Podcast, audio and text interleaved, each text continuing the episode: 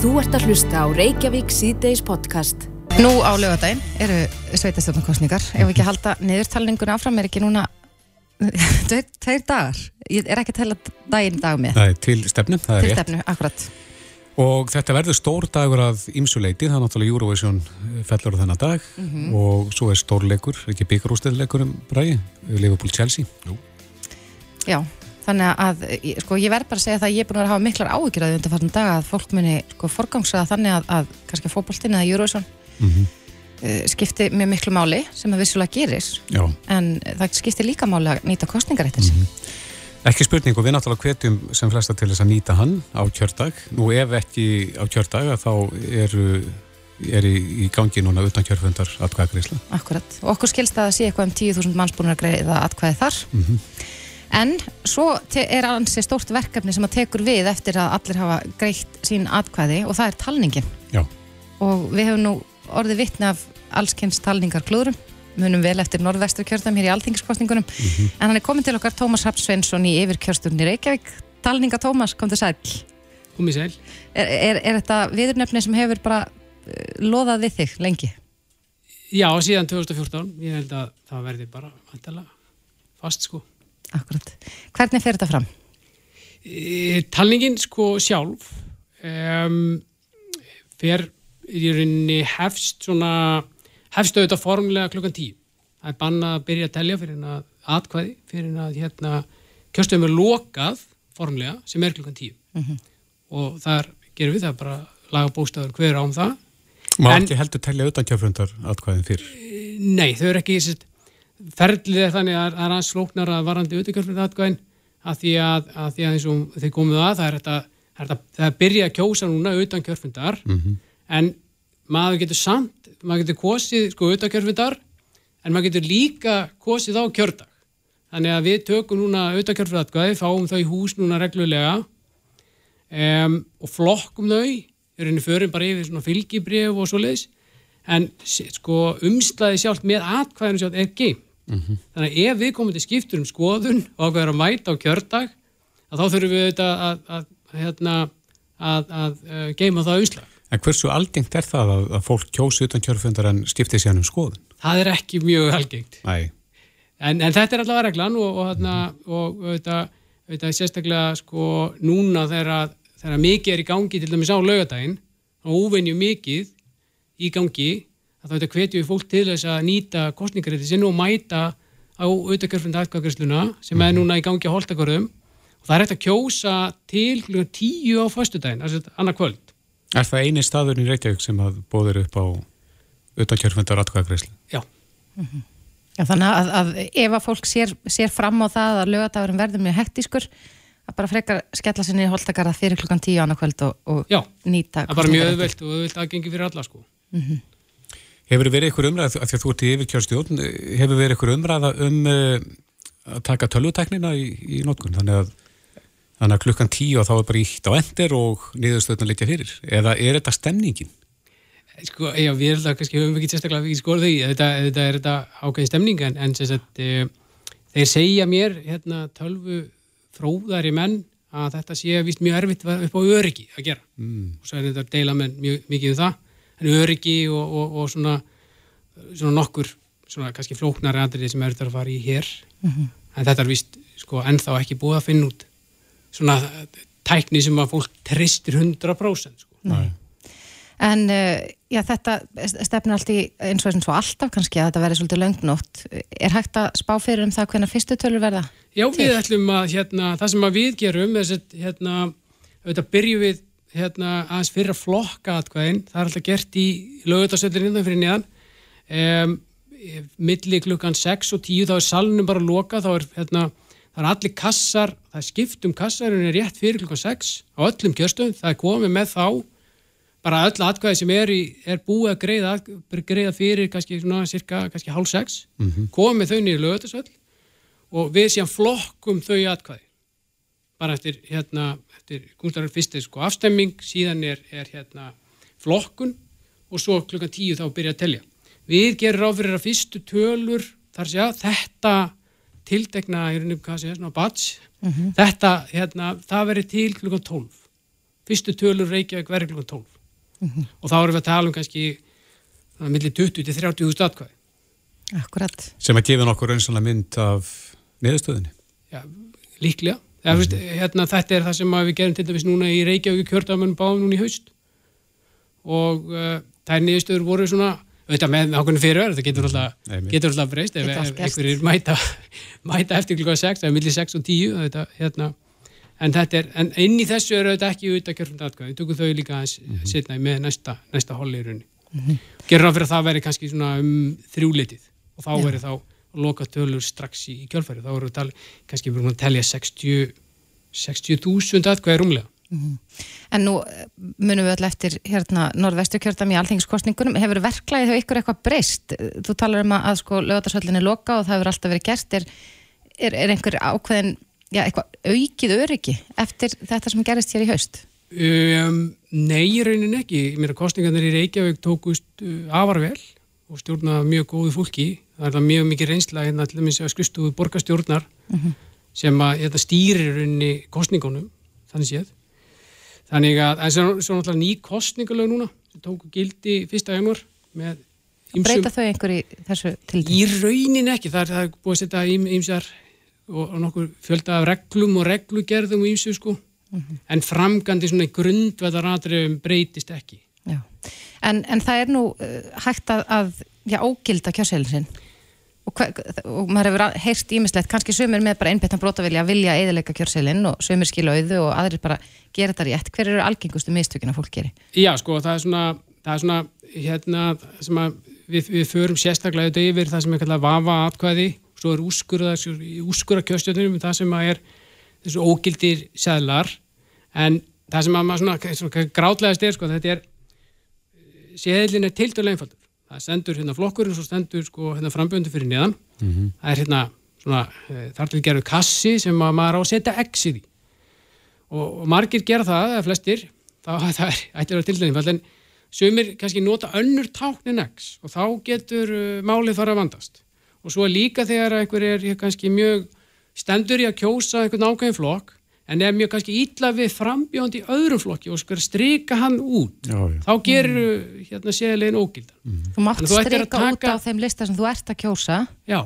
en þú mátt ekki strika út á öðrum listum Nei, mátt ekki eiga við lista hjá öðrum, öðrum flokkum en, en þann sem þú kýst Er þá séðilin ógildur? Hann er ógildur og þetta, þetta er mjög, mjög leiðilegt að fólk sé að mæta á kjöstað og gera atkvæði sitt og væntalega sko, þá ekki vísutandi, mm. það er mhm. óvart Þetta eru margir sem gera þetta vísutandi og er þetta einhvern veginn að koma í veg fyrir það. Mm -hmm. En er ekki ringi staðin fyrir X við listabókstafin? Um, Ef það er ekkert annað. Þú, það á að gera X. Já. En það er, það er kannski líklegt að það er því metið, það er öll svona tá geta gert séðalinn ógildan. Mm -hmm. Hvers slags tá hafið þið séð? Við hefum séð, við hefum séð allt spektrum við táknum sko. Getur nefnt okkur dæmi? það, það er bróskallar, það er ógilt, mm -hmm. uh, það er hakakross, það er svona ímislegt, sko, það er bara jákvæð og neikvæð tá, mm -hmm. skiljið. Þannig og að, að krossin er, krossin, er... fyrst á ert og annar borða mæta og allar nýta þeir þennar rétt, hakiði með, með kross í, í kassa. Kross í kassa. Það er, er hérna það er það sem var hérna, svona gráðlega sem maður sér að fólk svona gerir óvart hérna, selin, selin hérna ógildan með einhverju svona og líka þess að fer eitthvað, krossin fer mikið fram fyrir kassan, það er kannski risastóru, það er leggja svo mikla áherslu á aðfæði að, þú eitthvað neginn krossar yfir, það fer kannski yfir hérna eitt eða tvö frambóði viðbót sko og þá ertu búin að gera ógilt líka í rauninni. Þannig þetta er, þetta er allt sko. Og kannski að menn ætla að skrifa eitthvað sérstaklega kjörseilin, þá er þetta ekki alveg sko, það er ekki rétti vettvangunum þarna. Nei. menna kannski lauma einhver einnig til vísum sko, svona með en ekki til dæmis við við séum að fólk er að hefta hluti við kjörseilin og svolítið, það er ógilt. Uh -huh. Hefta hluti sem þau koma með sér inn í kjörklefa? Já, við séum bladagreinar og yfirslega, sko, það er, það er ekki gott. Nei. það er alveg, alveg örglega ógilt, skulum orða þannig. Að, að við séum allt spektrum með þessum. Já, þannig að fólk hefur verið ansið frumlegt. Það þarf að vanda sig greinlega Já, það er mikilvægt mm. og auðvitað, auðvitað eru það flesti sem gera það. Já, Já við býðum spennt eftir fyrstu tölum upp úr miðnætti, ekki satt? Já, algjörlega. Tómas Rapsveinsson í yfir kjörstjórnir Reykjavík, kæra þakki fyrir komina. Takk fyrir. Þú ert að hlusta á Reykjavík síðdeis podcast. Áfram örku við hér í Reykjavík síðdeis en uh, núna fyrir tveimundum síðan á þriðdægin skapaðist, já, mjög alvarlegt ástand þegar að uh, þyrla landhelgiskessluna var ekki til tags uh, fyrir bráða útkall á Suðurlandi Einmitt. vegna þess að ekki tókst að manna þyrluna. Mhm. Þarna hafði flugstjóri verið veikur og ekki hægt að kalla út aðra flugstjóra frívakt. Nei, þeir voru ekki tiltækir. Nei, og Jón Gunnarsson dómsmálar á þeirra rættinu við okkur hérna þriðdæginu og sagði að þetta væri hennilega óásættanlegt og mjög alvarlegt að ekki væri hægt að manna þyrluna fyrir uh, slík útköll. Já, þarna þurfti að fara sem sagt með illa slasaðan einstakling uh, í neyðarakstri uh, þennan langa veg og við erum að tala um að neyðarakstur getur verið 150 km hraða klukkustund. Uh, alla þessa leið og þarna þurfti að manna fjölmarka pósta, það þurfti að riðja leiðina það er að segja halda leiðinni greiðri. Og við vitum til þess að uh, að hérna brunavarnir árninsíslu voru kallar út. Það voru þrýr bílar sem fóru frá þeim til þess að manna ringtork og, og greiða leiðina. Akkurat. en þetta var líka til þess að eini sjúkrabílinn í Vík hann var ekki tiltækur þennan tíma. Akkurat. á leiðinni söður Og, og þetta hefur auðvitað verið mjög mikið til umræðu og, og svona spurning um, um hreinlega öryggi, bæði uh, þess slasaða og einnig annara vegfærandar hreinlega Já, á þessari leið. einmitt. Nú Viljámur Átnarsson, þingmaður sástæðarflokksins og fyrirvændi lauruglumöður sem að þekki nú neyðarakstur ansi vel er á línunum, kom til sæl. Já, komið sælublessu. og þú hefur líka haldið lengi á lofti uh, þeirri kröfu að, að koma á eitthvað skona sjúkra þyrlum, minni þyrlum til þess að sinna slíkum útköllum eins og þessum. Uh, tekur þú ekki undir með dónsmálar á þeirra þetta er, þetta er óviðunandi staða sem kemur hann upp?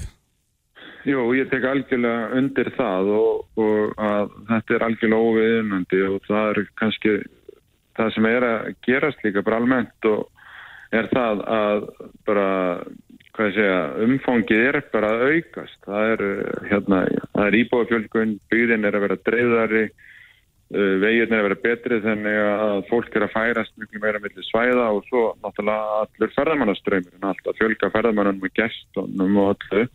Þannig að bara umsvifin í þjóðfélaginu öllu er að vera miklu meiri og þá náttúrulega meiri líkur á því að komu slís og óöpp og atvik sem þarf að bregðast við.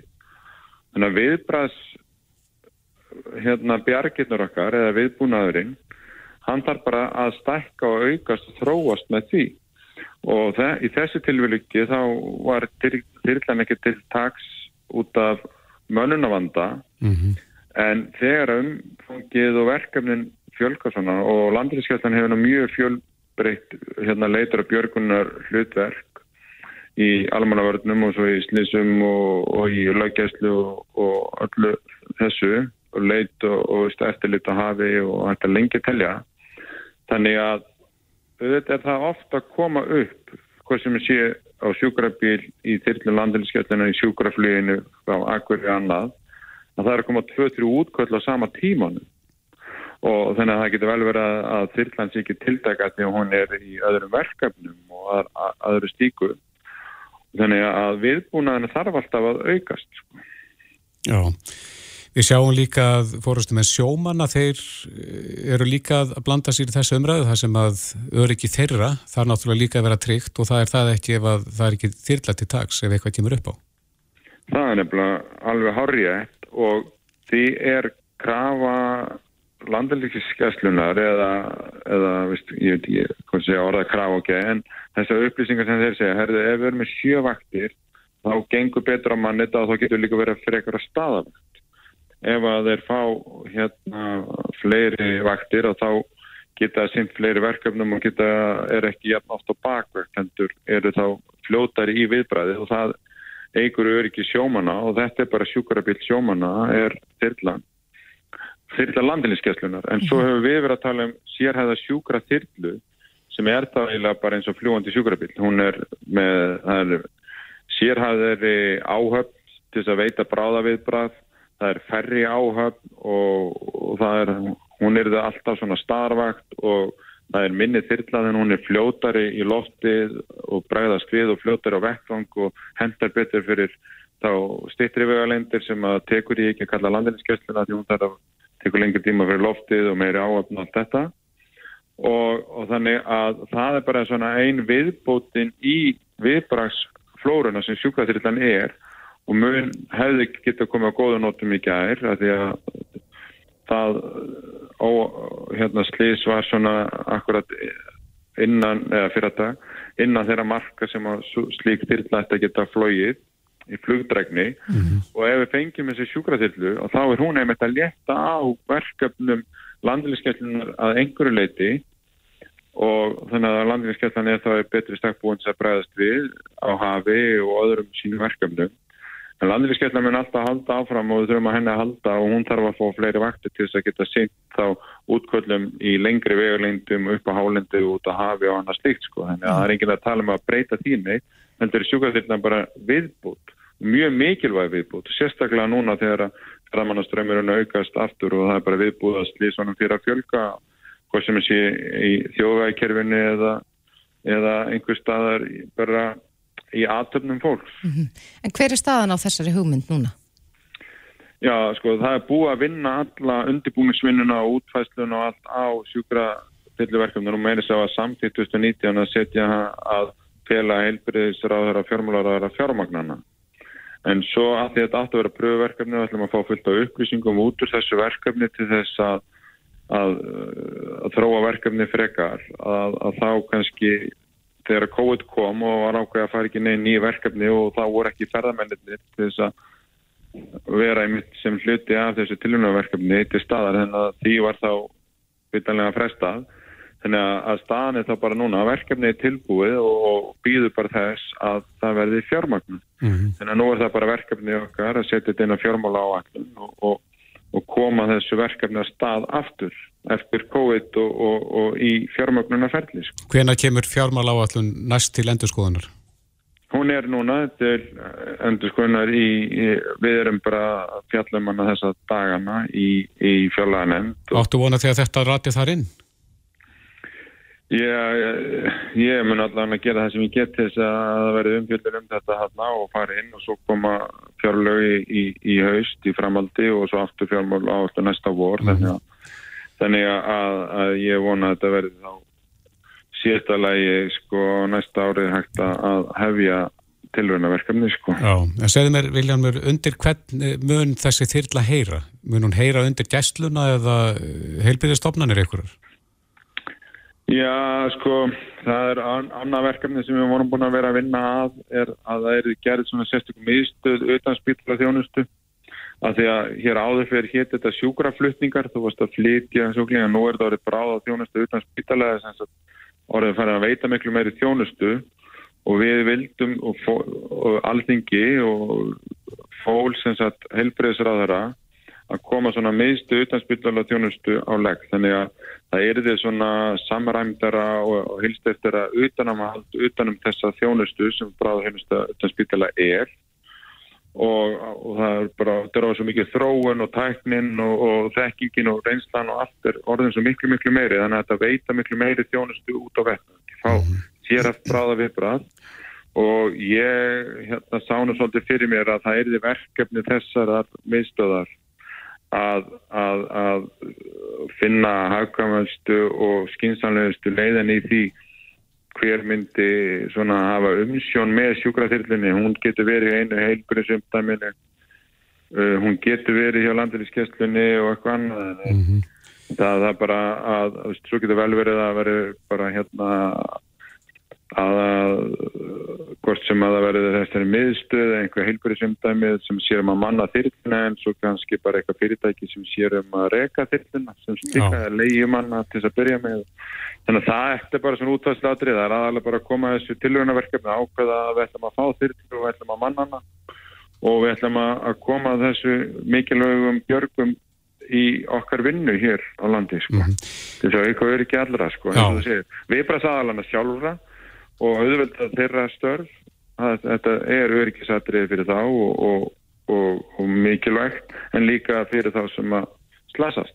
Þú ert þjálfaður í neyðarakstri Vilhelmur, þú tekum hættu lundi það að þetta er ekki báðlegt að, að senda menn í neyðarakstri á þessum mikla hraða um þetta langan veg. bara neyðarakstur skapar náttúrulega alltaf hættu og er hættulegur og, og það hafa oft orðið slísi í, í neyðarakstri og, og hérna þannig að eins og þið komið inn á ykkur engangi að þá á að takmarka hann eins og er. Sjúkrabílar og, og, og viðpassala mun alltaf koma keirandi á vettvang atbyrðar hvað sem sé veikindi að slís. En þarna erum við að tala um það að, að flytja viðkomandi á sjúkrahús það fyrir fram með þyrlunni á miklu örugari fljótvirkari hátt og þú ert ekki að taka þá neyða veipbreiðið úr héræðinu. Þannig að, að það að keira með sjúkling eins og hérna eða slasaðan einstakling frá eigafjöllum eða eitthvað á landsbytulan þá er náttúrulega ekki neyða veipbreið heim í héræði nema það komið annar staða frá sko. Einmitt. Það er að taka veipbreiðið svo marga klukkutíma úr það getur komið annars slisa veikind á meðan sko. þannig að það þarf að takmarka þennan tíma eins og hægt er og þá erum við líka bara að nýta þá mannskapin og þekkingun og reynsluna miklu betur með því að flytja viðkomandi með tillunni mm -hmm. Viljámur Ráðnarsson, það verður fróðilegt að sjá hvort þetta ratin í fjármála áallunina næstu sem er núna í, í vinslu en kæra þakki fyrir þetta. Herru, takk sem leiðis Þetta er Reykjavík C-Days podcast. Við höldum áfram hér í Reykjavík síðdeis og ætlum núna aðeins að tala um uh, ja, það sem kalla hefur verið farsaldarlaugin að einhver leiti. Uh, þetta er verkefni sem er að fara að stað núna, starfshópur sem að ásmundir einar dag sem menta á barnamálar á það hefur skipað um forvarnir og viðbröði áföllum í lífi barna. Einmitt. Og það hefur svona rannsóknir hafa syngt að áföll í æsku geta haft fórsporgildu um líkamlega andla helsu barna og í raun og veru er bara marka börna miklu leiti. Mm -hmm. En Brynja Dan Gunnarsdóttir, framkvæmdastjóri og varaþingmaður framsóknarflokksins, hún mun leiða þennan starfsóp og hún er sest hér hjá okkur, kom til sæl. Hæ. Já, hvert er, hver er tilgangur mm. starfsópsins? Heyrði, hann er svona að kortleggja bara hérna hvernig við viljum bregðast við þegar börn verða fyrir áfællum og við náttúrulega áður en að þú talaði um farsaldalögin áður en að það var hérna, áður en að þau voru lögð fram að þá var gerð bara svona hagfræðileg skoðin á því hvað áfulli æsku er að kosta samfélagið okkar og þau eru bara að kosta okkur óbáslega mikið Hvernig þá? Hvernig kemur það út? Um, við náttúrulega erum bara alls konar þjónusta við börn sem er bara mjög dýr og svo verður hún bara dýrir og dýrir eftir því sem að líður tíman að því að þú þarfst vantilega aðstöð alls konar, þú veist, hvort sem það er sálfræð aðstöð þjónusta um, þangatilurinn þú bara deyrð um, og það er, þú veist, þetta er rauninni hagkvæmasta svona ákvörðin sem að ríkið eða, eða já, bara svona hérna já, ákvörðin sem að, eða svona, já, hvað segja hagkvæmasta svona að, að grípa fyrir inni, snýst þetta um það að veita þjónustuna þegar það stittra liði frá áfallinu heldur en að vandamæli ágerist? Já, og þetta er snýr bara því að þetta er hérna bara parið við þú veist, hérna keflaugufljóðall og kárnökuverkun, það er bara ágóðin af því að fara í þessar aðgerðir mm. ja, Þessi börn verða vantilega fullorðin Já, og þá og er það náttúrulega ekki að skilja sér út í samfélagið sem mm. fullgildir samfélagstegnar. Höfum við gert einhverja rannsóknar á því hér þegar við lítum yfir eh, kannski jáðarsetta hópa, fólk með výmöfna sem glýmið výmöfna vanda, vikni vanda mm -hmm. eða eh, fólk sem hefur brotið af svo setur í fangelsum e, e, er eitthvað sammett með því að, að mörg þeirra hafi Já, það hafa verið gerða rannsóknir og, og það er búið að eiga mörg samtöl við um eitt fólk sem er jáðarsett sem að ávið vikni vanda aðstríða um, fólk sem hefur í fangelsum og oftast og ég hef meitt hórst á hérna, veit ég hvort ef ég sé myndina með Gabor Mate, hérna vistum oft tráma oftast þegar þú, þú spyrð og ferð að kafa í þetta fólk bara spyrð hvað er það sem að litiði hinga þá er það áföll í esku sem að var ekki tekið nóg vel á mm -hmm. Hvernig áföll erum við að tala um? Hva, hvað getur flokkast þar undir? Við erum að tala um til dæmis bara vannræksla mm -hmm. um, hérna, missir andlegt, líkamlegt kynferðslegt ofbeldi og bara svona allt þar á milli Er eitthvað að vita hvað þetta eru mörg börn sem að lenda í slíkri reynslu lífsreynslu á áður? Við verðum öll fyrir einhverjum áföllum á lífsleginni mm -hmm. og við erum bara misæfla vel í stakk búin til að takast á við þau um, og hérna það er, það er svona samkvæmt það að vera gerðar kannanir í Evrópu. Og svona ef við tökum þar og yfirferðum þar á Ísland þá er þetta kannski svona um 2500 börn á Íslandi á ári. Sem, á- er, sem við vitum mjög um, já. stór hópur. Það er mjög stór hópur sem við vitum um. Og þetta snýst kannski svolítið um það að við getum svona í rauninni þjálfað upp og gefið börnum þessi tól til þess að hérna, ebla hjá þeim sigluna. Svona hvernig við sigla í rauninni bara er þannig hvernig við tökumst á við áfall. Og við getum gert fullt til þess að styrkja það En það er talað um forvarnir. Er það til dæmis með því að kenna börnum þetta? Er, Já. erum við þá að tala um að það verði já, námsefnið að fara inn í skólan og reynda... Forvarnir og fræðsla, bara hvað gerir þjóðlendir í þessum aðstæðum bara, þú veist, þú þarfst að tilkynna það þarf alltaf að tilkynna og bara allt þetta og einmitt að þú veist, að við bara svona samfélag tökum aðeins þjættar utanum það þarf náttúrulega bara, þú veist, að koma alls konar aðilar á borðinu frá bara, þú veist, það er búið ósk eftir því bara í þennan hóp, bara alls konar fæðilar og, og að, þú veist, kerfið sé bara svolítið svona þvert á. En, en hvernig mun ykkar vinna fara fram? Og þeir þurfu líklegast að skila einhver af ykkur starfshópurinn þegar Já, að, að í lokás í lokárs og, og uh, munið þá koma með tillögur að einhver ákveðnu verklagi þá fyrir já, stopnarnir, skóla eða hvað?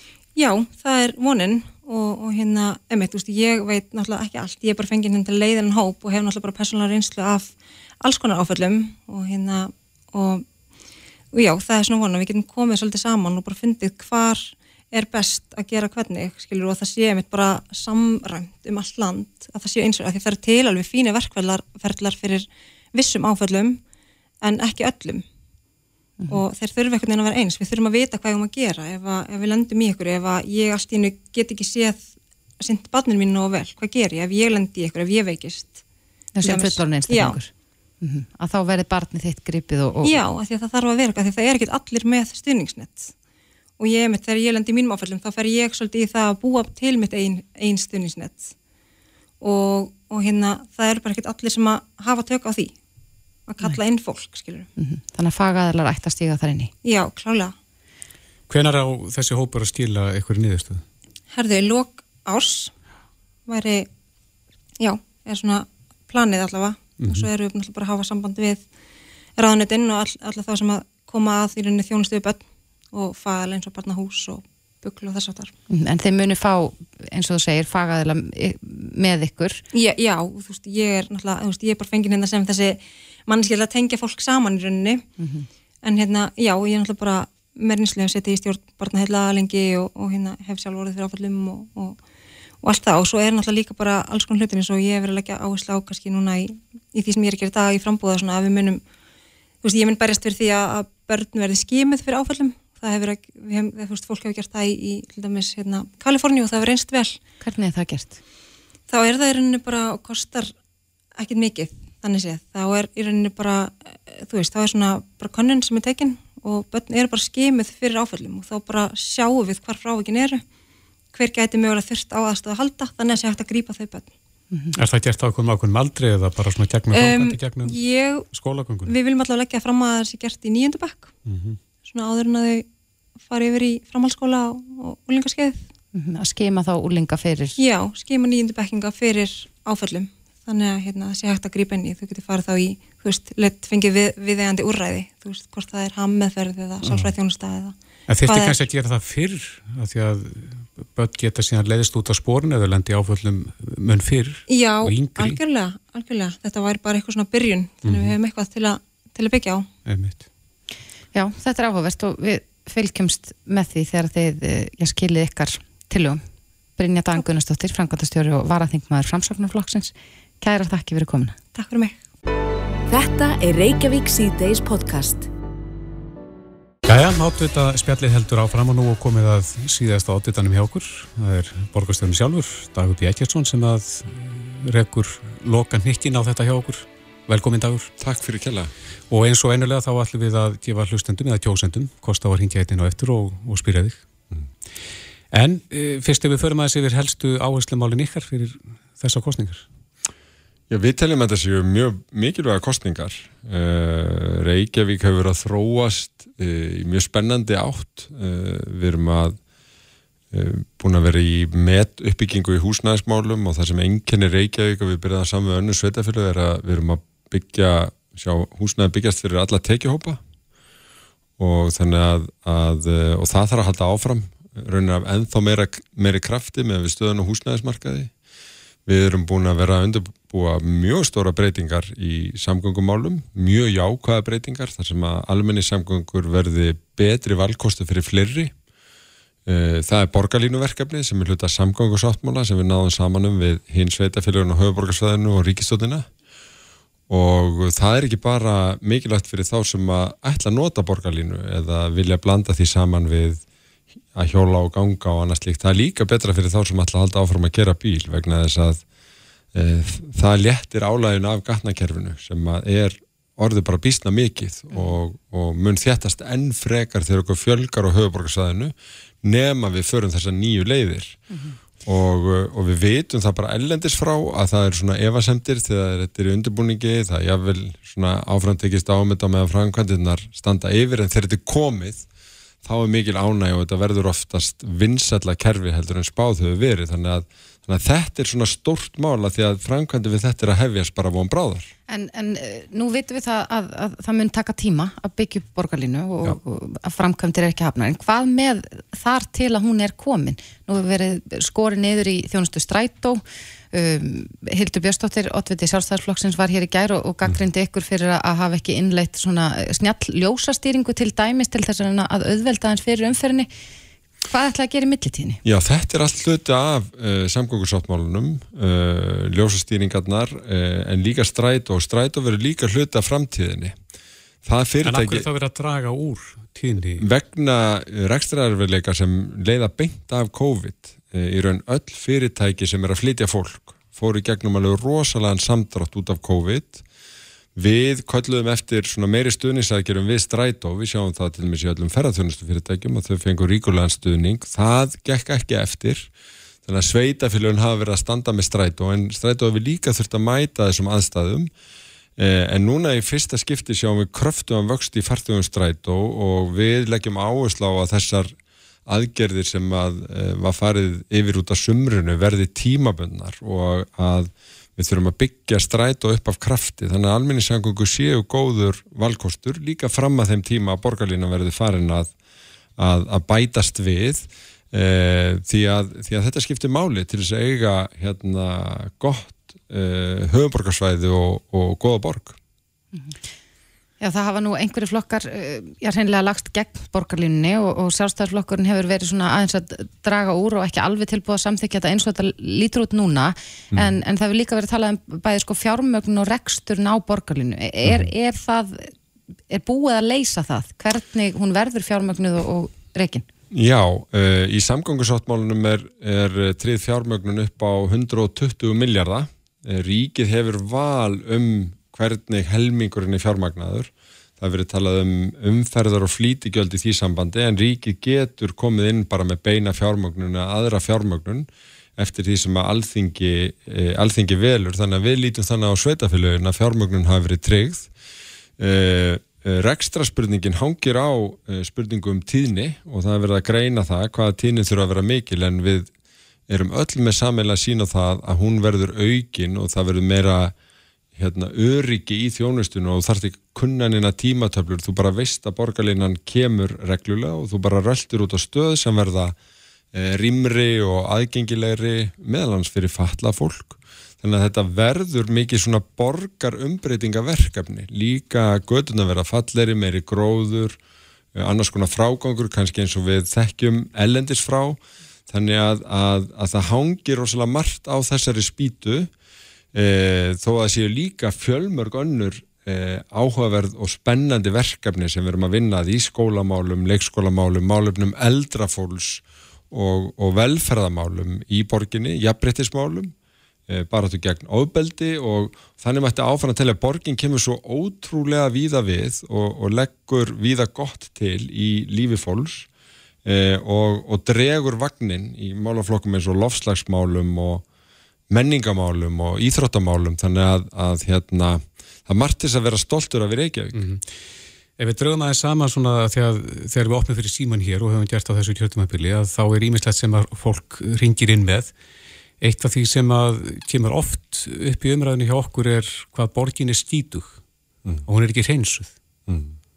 Hefðu þið mátt uh, standa betur að, að því, að, að reynsa rikið af göttum borgarinnar á þessu kjörtumabili? Já, þetta er ástíminn þar sem við erum að sópa í, í öllum hverfum og uh, þar fylgjum við tiltekinni forgónsröð. Það eru stoppleðinir og stoppstígarnir sem eru fyrst og síðan eru stígarnir út frá til þess að uh, það sé ekki alltaf sama röð að þá er það breytilegt frá ári til ást. Þannig að það eru mismunandi hverfi sem eru fyrst í röðinni og það er alveg rétt. Sérstaklega þau hverfi sem eru síðust í röðinni að, að þar verður vart við óþreyju og þetta er á, í raun og hverju ári og við hefum verið að auka þeins í og bæta. Eh, en síðan hefum við líka verið að fá ábendingar í gegnum ofta ábendingavefin okkar að einhverjir eh, stígar er að gleymast, það eru verktakar sem vinna þetta fyrir okkur í, í hérna eftir útbóð og þá viljum við gætna að fá ábendingar um það þannig að það sé að kippa því í liðin því við viljum að borgin verði eh, hérna hrein og fín og frábær þegar það kemur inn í sumarið og er nú verið að spá 15 stegum og sóla á þriðudaginn þannig að, að það stefnir í stuttbúsna veðu bara strax í næstu viku þannig að á þessum ástíma erum við að klára þessi verkefni mm -hmm.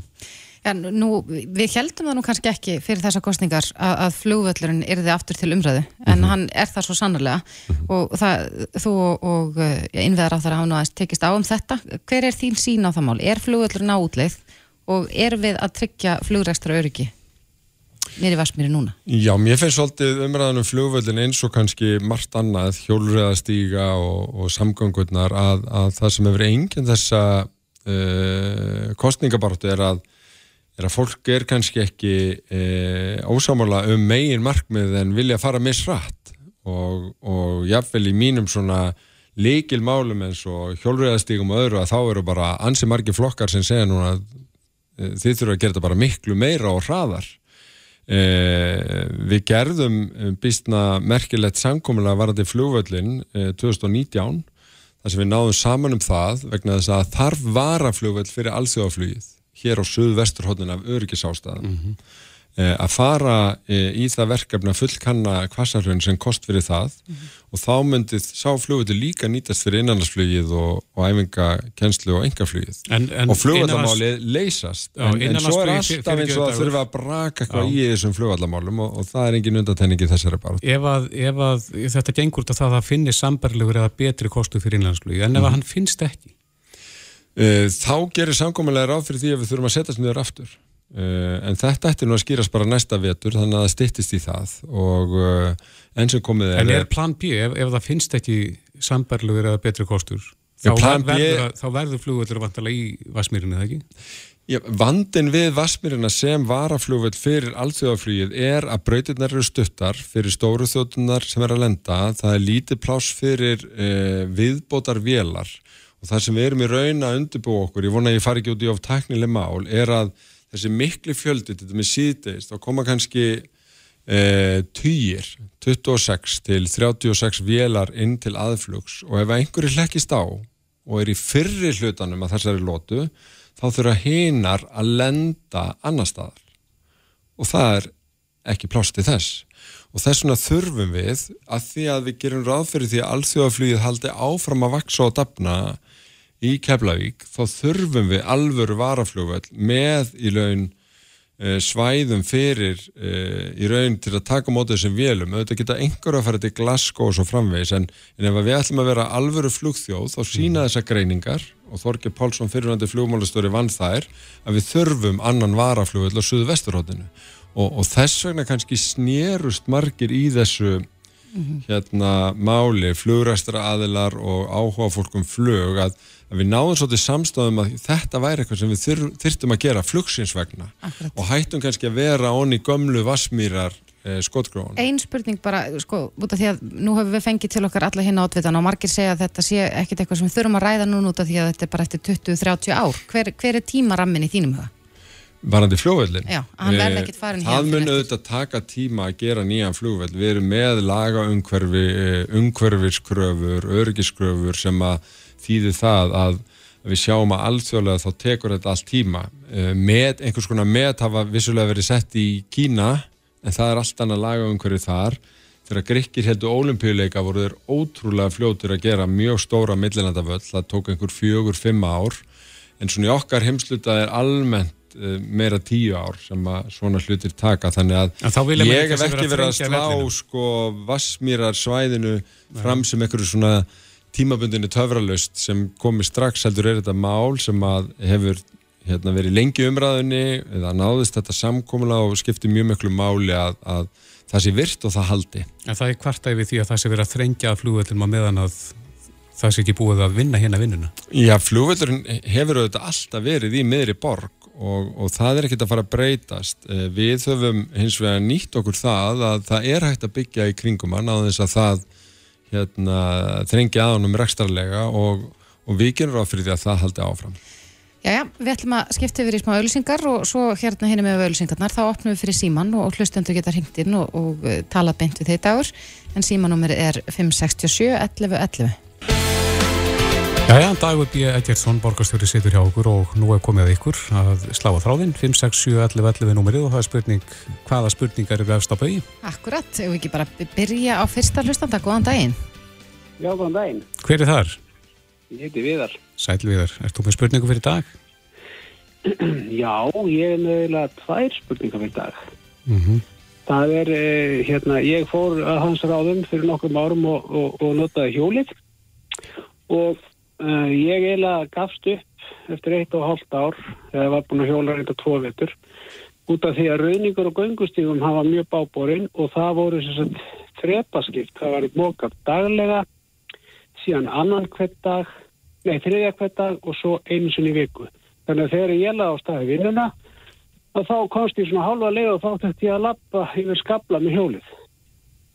Það er, uh, það er þetta sem ég langaði að spyrja með af hverju er, er staðið svona illa að uh, svona hlutum þegar verið að fá fólk til að nota önnur sangöngutæki og önnur spurning sem ég með af hverju er ekki farið í samráði við vegagerina að loka ljósunum við endan á bústæði við sprengisamt. Já, takk fyrir þetta. Já, ef við tökum fyrir spurninguna að, að þá má segja að, að uh, undanfærin ár hafi gengið býstna vel að, að uh, móka stíga og götur. Uh, við bættum í þar allraustlega fyrir nokkrum árum og það gekk vel, hins vegar var veturinn í vetur doldið annað. Þá nefnilega snjóaði svo mikið dag eftir dag og þetta var sérstaklega ábyrjandi í februar og það sem gerist þá er að við erum með sérstaklega forgánsröðum, við byrjum á stoppleiðum eh, sem eru strætóleiðirnar, stoppröðirnar og stoppstígum og ef það snjóa dag eftir dag að þá erum við alltaf í þessum tilteknu stígum og komumst ekki í húsagöturnar fyrir bílana og aðra stíga. Vantaði tæki. E, það vantaði fleiri tæki og meiri mannskap og e, það sem við þurfum að spurja okkur og, og ég hef sagt að, að ef við getum búist við, þetta var einna fjórum snjóþingstu veturum síðustu hundra ár, en hugsanlega getum við búist við snjóþingri veturum bara út af lofslagsbreytingum á næstu árum og við þurfum í raun að setja svolítið yfir það hvort það þurfi ekki bara meira uppsett afl fyrir veturna sem við eigum í vændum e, með hliðsjón á þessu þó við uh, viljum auðvitað ekki liggja með mjög mikið að mannskap og tækjum sem er ónotað í svona meðal ári. Þannig að þarna þurfum við að finna eitthvað balans, kalla til veðurfræðinga og, og okkar lið og, sjá hvort að eftir reynsluna þennan vetur við þurfum að endur meta og bæta í eins og við reyndar erum að segja í nýju hjólfið áallinu. Þannig að það þarf að gera betur. Já, Má, ég- má ég bæta einu stuttu við, ég man nefnilega eftir þegar það var bara hvað snjóþingst hér að þá ringdi okkur maður sem saði stega hérna, gröfu eða tæki til þess að, að, að riðja snjó. Að hann saði ég hefði vilja bjóða fram, bjóða fram aðstóð væri hægt að, að, að ég reynilega bara fá fleiri að borðinu á þessum erfiðu tímabilum Já, uh, það var gert uh, í nokkru mæli vetur uh, en við erum auðvitað líka bundin á okkur um innköpareglum þannig að, að það þarf þá að í raun fyrirfram að fara í stór svona ramma útbóð til þess að geta kalla til meiri mannskap og, og þetta er eitt af því sem við þurfum að setjast yfir. Því við viljum hafa þetta í lægi þá að vera hægt að treysta því líka bara fyrir þá sem að nota stígana til þess að, að reyfa sig eldra fólk og svo framvegis að, að það séu vissi stígar sem eru alltaf ruttir og, og sandaðir þannig að þú getur treyst því að þú komist öruglega um þá alla, uh, allan á sinn syng. Mhm. Það var er hlut að því að búa til góða borg. Já, og þá var það setni spurningi með, með ljósin við bústafi Já, það er heilmikið búið að, að glíma við þetta. Það var um tíma eh, bannað vinstri beigur og álagstímum og annað slíkt og, og við erum að skoða þessi gatnamót en að, en að loka ljósunum alveg. Eh, ég er ekki vissum að, að það sé raunhæft en, en eh, ef ekki að segja ég takja það bara með í púkið og í samræðunar við, við vegagerina. Þá fyrir við á næstu línu. Góðan dag. Ég, já, góðan dag. Hver er Ég þar? veist ekki, á komið svo löngu stemma á línna. En ég heit Þórður. Sælþórður, ert þú með spurningu fyrir Dag Bjækisson? Já, ég er spurningu varandi flugvöllin af því hann sagði áðan að það er það skoðast aftur ef að svo vil til að það finnst ekki annar uh, ákjömsulegu staður fyrir flugvöllin. Þá er ég að velta fyrir mér af hverju er verið að þrengja svona mikið af honum núna, af hverju er hann ekki bara látið vera og ekkert byggt í kringum hann þangað til að komin algjörlega först niðurstað um að það verði ekki ákjósanlegu staður annar staðar fyrir hann og þá hefði til dæmis verið hægt að hafa stæði fyrir þessar stótur í staðin fyrir nýju byggðina hjá valsheimilinu. Já, takk fyrir þetta Þórður. Já, takk. Já, þetta, þetta er ágætið spurning. Eh, Við erum að byggja núna á þeim svæðum sem að uh, skipulagi gerir ráð fyrir. Það er annars vegar og hlýjarenda og hins vegar skerraferðamegin. Þar sem við sömdum 2013 við ríkið um að fara í uppbyggingu uh, í ljósið þess að, að uh, við vorum að leggja af þriðjubrautina. Þannig að við erum að fylgja þessum samningum og við lítum á þetta sem jákvæða og mikilvæga uppbyggingu fyrir borgina og gefur fullt af, af fólki eh, kost á að búa eh, í nágrunni við stærstu vinnustæða landsins og mingum þannig umferðar, heldar umferðina í borginni. Akkurat. Og þá var það næsta lína. Góðan dag. Góðan daginn. Hver er þar? Hjálmar heiti ég. Sæl Hjálmar, erst þú með spurningu fyrir dag? Já, mér langar að spurja um sem þú skotsæði álsnesi. Af hverju er búið að vera, þess af hverju hefur svæðið verið lokað fyrir stæðst að skotiðröndafélag á landinu sem telur um átjáldröð félaga og skotrein sem telur um þúsund félaga á kostna eins mann sem býr ekki eins og ný á kjælarnesinu sem var bara sögabústa hinum meginn og hefur verið kvart undir þessu af hverju er þetta látið auðgangast þú veist að loka heilu íþróttafélagi fyrir út ár Dagur, þú þekkir þetta mál vantarlega? Já, uh, skotsvæðinu var lokað vegna þess að uh, svo kallu úrskurar nefndum umhverfis og auðlindamál sem að heyrir undir umhverfisrándið uh, komst að því að, að þarna þyrft að gera deiliskipulag til þess að það væri hægt að vera með uh, skotsvæðið. Það hefur verið umdeilt, uh, það er mikilvægt fyrir skotveðum en að hafa gott svæði einhver staðar og þeir hafa verið þarna í Álsnesi, þetta hefur verið umdelt eins vegar á kjálnesinu þannig að við gengið á með kærumálum. Og ég verið mjög opinn með það að, að þetta mál hefur verið í miklum hnút uh, og það hefur verið kallað eftir því bæð af halvu uh, skotveði fólks og kjálnesinga að, að koma að borðinu og setjast yfir þetta og, og báðir finna fyrir því að þeim hafi ekki verið hlift að samtalenu þannig að það hefur verið að, að fara yfir þetta, það hefur verið talað um að reyna að finna líka annað svæði sem betri friður um á höfuborgarsvæðinu en, en það líkur ekki þannig á borðinu þannig að spurning er uh, hvað ég að gera á meðan og, og ég held að þurfi uh, aðeila begja veginn bors að, að koma því samtali. Og þá er það næsta lína. Góðan dag. Og þá er það næsta lína. Halló. Nei. Þarna var enginn, þá bara fyrir við á næstu, góðan dag. Halló, Já, góðan daginn. hver er þar? Heyrðu, Sævar heiti ég. Sævar, Ég, hérna, tíminn er naumur þannig að þú mátt endilega spyrja dagspurningu. Einmitt, mér langar að forvetnast með hérna dagfóreldra. Nú erum við batn hjá dagmömmu og ég þarf að borga 20.000 krónum meira á mánuði heldur en aðili sem er með heimili í Moselsbæ hjá sömu dagmömmu. Það langar að forvetnast með hvort að þetta standið til bóta eða hver ástæðan sé. Já, dagur, stuttu tíma eftir.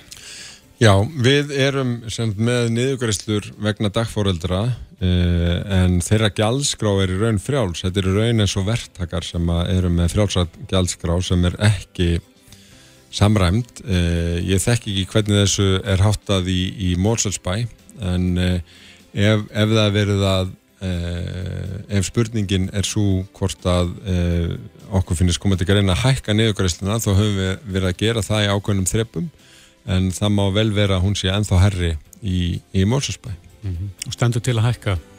Já, það er rætt í tengslu við fjárhásállun e, á hverju ári og, og hérna við höfum verið að taka ákveðin skrif í því en það hefur svo sem ekki verið mikið umræðinu fyrir þessar kostningar e, hérna að auka þá niðurkvæmst Komast við mér ekki lengra. Dagur Björkjarsson, kæra þakki fyrir að koma og þeir sem að ringduð inn, kæra þakki fyrir að, að ringja. Takk svo með leiðis. Reykjavík síðdeis á Bilginni podcast. Það er hansi stóra frettir sem við fáum í dag. Þorlu Guðnarsson, sóþórnalæknir, hefur sagt starfisnir lausu frá með 1. september. Já, og ég verði að viðkynna að mér bara bráhálpartin þegar ég sá þessar frettir. Hann hefur verið svona eh, ákveðin festa í líf okkar Já. undanfarn ár, Einmitt. svo sannarlega. Og ég, sko, til gaman smá geta Mhm. að ég ákvað hérna þegar við uh, áðurnum við he heyrum í honum Mhm. að telja saman hversu oft við höfum tekið viðtal við Þóról Gunnarsson, sóttvarnalækni uh, frá því í janúar 2020 þegar við heyrðum fyrst af ja, það sem við köllum þá Wuhan veiran ólega Já. og þetta eru heil 80 skipti 80 slett. Já. Þannig að 81. skiptið er, er núna, Þórólu Sæl. Já, selveriði. Við báðum við um að skjóta á þessa tölu áðan og þú skoðst á hærri tölu finnst þér þú tala mjög oft við okkur. Já, ég, ég var svona að reyna að skjóta á það hversu ofti í, viku ég hefði talað við ykkur en, en þetta er svona rennur allt saman saman. Já, svo ertu líka búin að vera reglugur gestur auðvitað í bítinu líka þannig að þetta er örglega já, töluvert fleiri skipti sem þú tala við okkur hér á bylgjunni Já, ma- já, já, við loftar. Já, en þetta eru tímamót. Hvað, hvað fekk þið til þess að taka þessa ákvörðun? Já, það er nú bara kannski margt, eh, náttúrulega í fyrsta lagi þá er ég að komast á aldur á næsta ári og uh, þetta er náttúrulega búið að vera strangt og uh, erfitt tímabilið þessi síðastlinu þrjú ár og, og uh, við erum komin á nokkuð góðan stað núna í COVID-faradrinum og, og erum að líta til annara verkefna og þess sem við eigum að gera og gera faradrin og það er ímislegt sem að þurfum að fara að gera og, og, og snú okkur að og, og þannig að mér fannst rétt að, að, að, hafa þessi tíma mót núna heldur en frekar að næsta ári þegar, þegar ég eh, þegar lögböndin eh, hérna verklok verða. Mm Og að hver allar nú að snúa þér?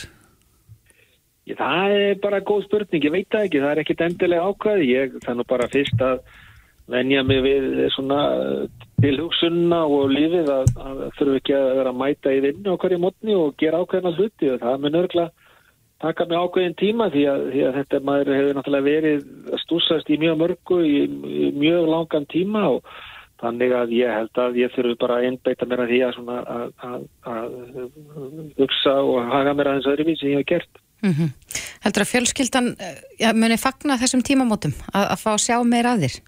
Já, ég vona það, já, já, ég held það nú að þau muni gera það og, og hérna, þetta verður bara tíma mót hjá okkur öllum og ég get vonandi að svona sinna fjölskyldur meira en ég hef gert. Já. En við höfum dreigin og mikið lærdómið það ekki af síðustu tveimur árum. Höfum við lært meira á síðustu tveimur árum heldur en sko áratögun þar á undan? Ég veit það nú ekki alveg, ég, við, við höfum lært náttúrulega mjög margt og, og hérna það, og mér finnst bara spurningin snúast um það hvað, hvað ætlum við að, sko, hvað munum það endlast okkur lengi. Ég vona að verði ekki þannig að við teljum að við höfum lært mjög margt og svo verðum við búin að gleyma allu eftir eitthvað stuttan tíma því að þetta eru hlutir sem við lært núna á, á þessum tveimur árun sem við þurfum að, að hafa til taks setna með því að við hefum eftir að lenda í einhverju svona viðlíka atbörðum eins og við höfum uh, verið að fást við vonandi ekki eins mikla en, en við þurfum að vera undir það búin. Mm En nú hefur þú gengt þessari stöðu frá árinu 2015 ef að upplýsingarna sem ég fyrir fram eru réttar. Eh, Hvernig er að, að svona líta tilbaka og, og eh, veginn horfa á öll þau verkefni sem þú tekið að þér og, og svo síðustu tvö ári samanbyrði við hinn? Bjóstu við því að þetta er þið nokkuð tíma svona? Nei, ég, ég var, var náttúrulega búin að undirbúa sig undir eitthvað svona en ekki að þetta myndi endast svona lengi og vera svona uh, viðtakt eh, en eh, vissulega vissi maður að það gæti komið að, að einhverju svona og þá þyrfti maður að grípa til þess aðgerða sem við vorum búin að undirbúa okkur undir en, en það, það var margt sem að reyndi svo að vera öðruvísi sem við heldum og, og það er það sem við þurfum að taka með okkur og, og, og nýta okkur inn í framtíðina í viðbrasa áallanir framtíðarinn sem við þurfum að svo sannlega standa að skila á. Já, þannig að þegar að eh, eitthvað slíkt tilfelli kemur upp aftur eins og þarna 2019-2020 verður þá greipið til an, annars konar ástafana fyrr? Ég get nú ekki sagt til um það. Eh, Ég held að það verður bara þegar það fólk sem tekur við verður að leggja mat á það og það þarf að leggja mat á hvers konar smitt er þetta, hvers konar síkingar, hvernig eru smittleiðirnar, hversu hættulegt er þetta og, með, og svo framvegist þannig að eh, viðbröðum þurfa að, að, að beinast að því. En, en í gegnum bara ár hundruðin, ár þúsundin að þá hafa menn verið að að nota einangurinn og sóttkví og, og sem hefur skilað árangri og það verður svona þunga miðjan e, ásamt svona almennum bara sóttvarnar ástöfunum sem, að, sem við þurfum að grípa til ef eitthvað svona alvarlegt kemur upp aftur. Er það rétt sem að ég lasi eitthvað staðar að svona stóri faraldar að koma upp á 100 ára fresti? Já, e, það er einmitt að hafa komið mjög oft upp og, og hérna við séum svo heimsfaratur influensu kemur reglulega upp kannski að 30-40 ára festi, hann er mísjaflega alvarlegur. Við höfum alltaf tilningu til að miða við 1918 og síðasti faraturinn sem við áttum við var 2009. Þannig að, en þeir, þeir voru allavega 2009 var ekki, líkin, ekki í líkingu við þetta sem við erum að fórst við núna. Þannig að ég held og með þessum miklu breytingum sem er í heiminum, lofslagsbreytingum, breytingum á, á, á búsetu fólks, uh, fluttningum, uh, við erum sífælt að ganga á náttúruna og sífælt að uppgöta nýjar og nýjar veirur sem að hafa ekki sést í mönnum sem geta valdið alvarlegum sjúkdómum þá, þá er bara mikil hætta í framtíðin að eitthvað svona laga getur komið upp. En kannski rétt að lokum Þorólfur, hvar eru við stödd núna í faraldurinn sem við höfum rætt svo mikið um síðust ár? Við erum stödd bara nokkuð vel, við höfum eh, núna undanfar, undanfarnar vikur verið að greina svona undir 100 tilfelli á dag, uh, jafnvel nýri 50 og 60, þetta hefur svona verið svolítið háð því hvað eru tekið mörg sína á hverjum degi og svo vitum við líka að það eru öll fleiri sem er að smittast því að það er ekki allir sem fari í þessu ofnböru próf uh, og við höfum engin, ráð að vita uh, hverjir það greinast bara heima hjá sig með heimaprófum. Uh, en núna síðustu tvo dagan höfum við verið að greina heldur fleiri, við höfum verið að greina kringum 130 einstaklinga á dag og, og ég vona það sé ekki vísbendingum að eitthvað sé í, í, í vændum, eitthvað sé í gangi. En Við mögum alveg vera að búast við einhverju svona öldegangi í þessu bæði með einhvernum fjölda ferðamanna, Íslandingar er að ferðast meira til útlanda og fleiri er að koma hinga til lands og svo þurfum við að sjá bara hvernig þetta ónæmi sem við erum búin að fá, hvernig það endist, það er ennþá fólk hér innanland sem hefur ekki fengið COVID og, og, og, og við þurfum bara að sjá hvernig það svo verður, þannig að við mögum alveg búast við einhverjum öldegangi í þessu en við erum á nokkuð góðum stað núna. Já. Og rétt kannski blálókin, er þín þeilt að fylgjast vel með gangi fugglaflensunar? E, það er nú fyrst og fremst e, matalastofnun sem, sem að gera það og, og hérna við vitum það að fugglaflensan sem H5N1 sem hefur verið að ganga e, í Evrópu og annar staðar hefur ekki verið neitt smittandi fyrir menn og það er það sem skiptur okkur mestum máli en þannig eins og staðan er núna þá er þetta fyrst og fremst að borðið matalastofnunar. Já. Þóru Guðnarsson, kæra þakki fyrir samstarfi. Við eigum nú kannski eftir að heyri þér eitthvað áður en þú lætur endanlega störfum? Já, það er aldrei að vita. Svo kannski tekur lægi fyrir okkur þegar þú þættur? Já, ég veit það nú ekki. Við óskum allavega eftir því. Já, kæra þættir og gangið þið vel. Já, sömulegis, takk, takk. Reykjavík síðdeis á Bilginni podcast. Jæja, helgin er framöndan. Stórhelgi. Það er stórhelgi, það er náttúrulega Eurovision á sínum stað en svo er það, er það kostningarnar Mm -hmm. og þá skiptir miklu máli hvernig viðrar upp á það að fá og ná fólki á kjörstall. Já, mér finnst nefnilega mjög áhugavert að heyra það að þetta skiptir í alvöru máli. Ef Já. það er vond veður þá er fólk ragara við það að koma sér á kjörsta. Mm -hmm. Þannig að, að við óskum þessu þetta heitt og innilega, það verður bara sól og blíða í fyrsta lagi þannig að við getum öll bara grillað og átt gott party Já. og svo að sem flestir skilir sér á kjörsta. En það er spurning, hvað segja kortin okkur? Við erum komin í sambandi við Einar Sveinbjörnsson hjá Veðuvaktinni og blika.is, sætt Einar. Já, komið sæl. Já, hvernig mun við vera á kjördag? Sko það er nú kallt á landinu sem við fundið þessa dagana og uh, allir þetta kuldakast ná nú ekki hámarki nótt. Ég ger nú ráð fyrir því að það verði nættufrost mjög víð á landinu enn eina nóttina og það jælji fyrir norðan og á norðustalandi einnig. Mhm. Og, en síðan tekur nú landið að rýsa í þessum veðurefnum. Eftir morgundaginn.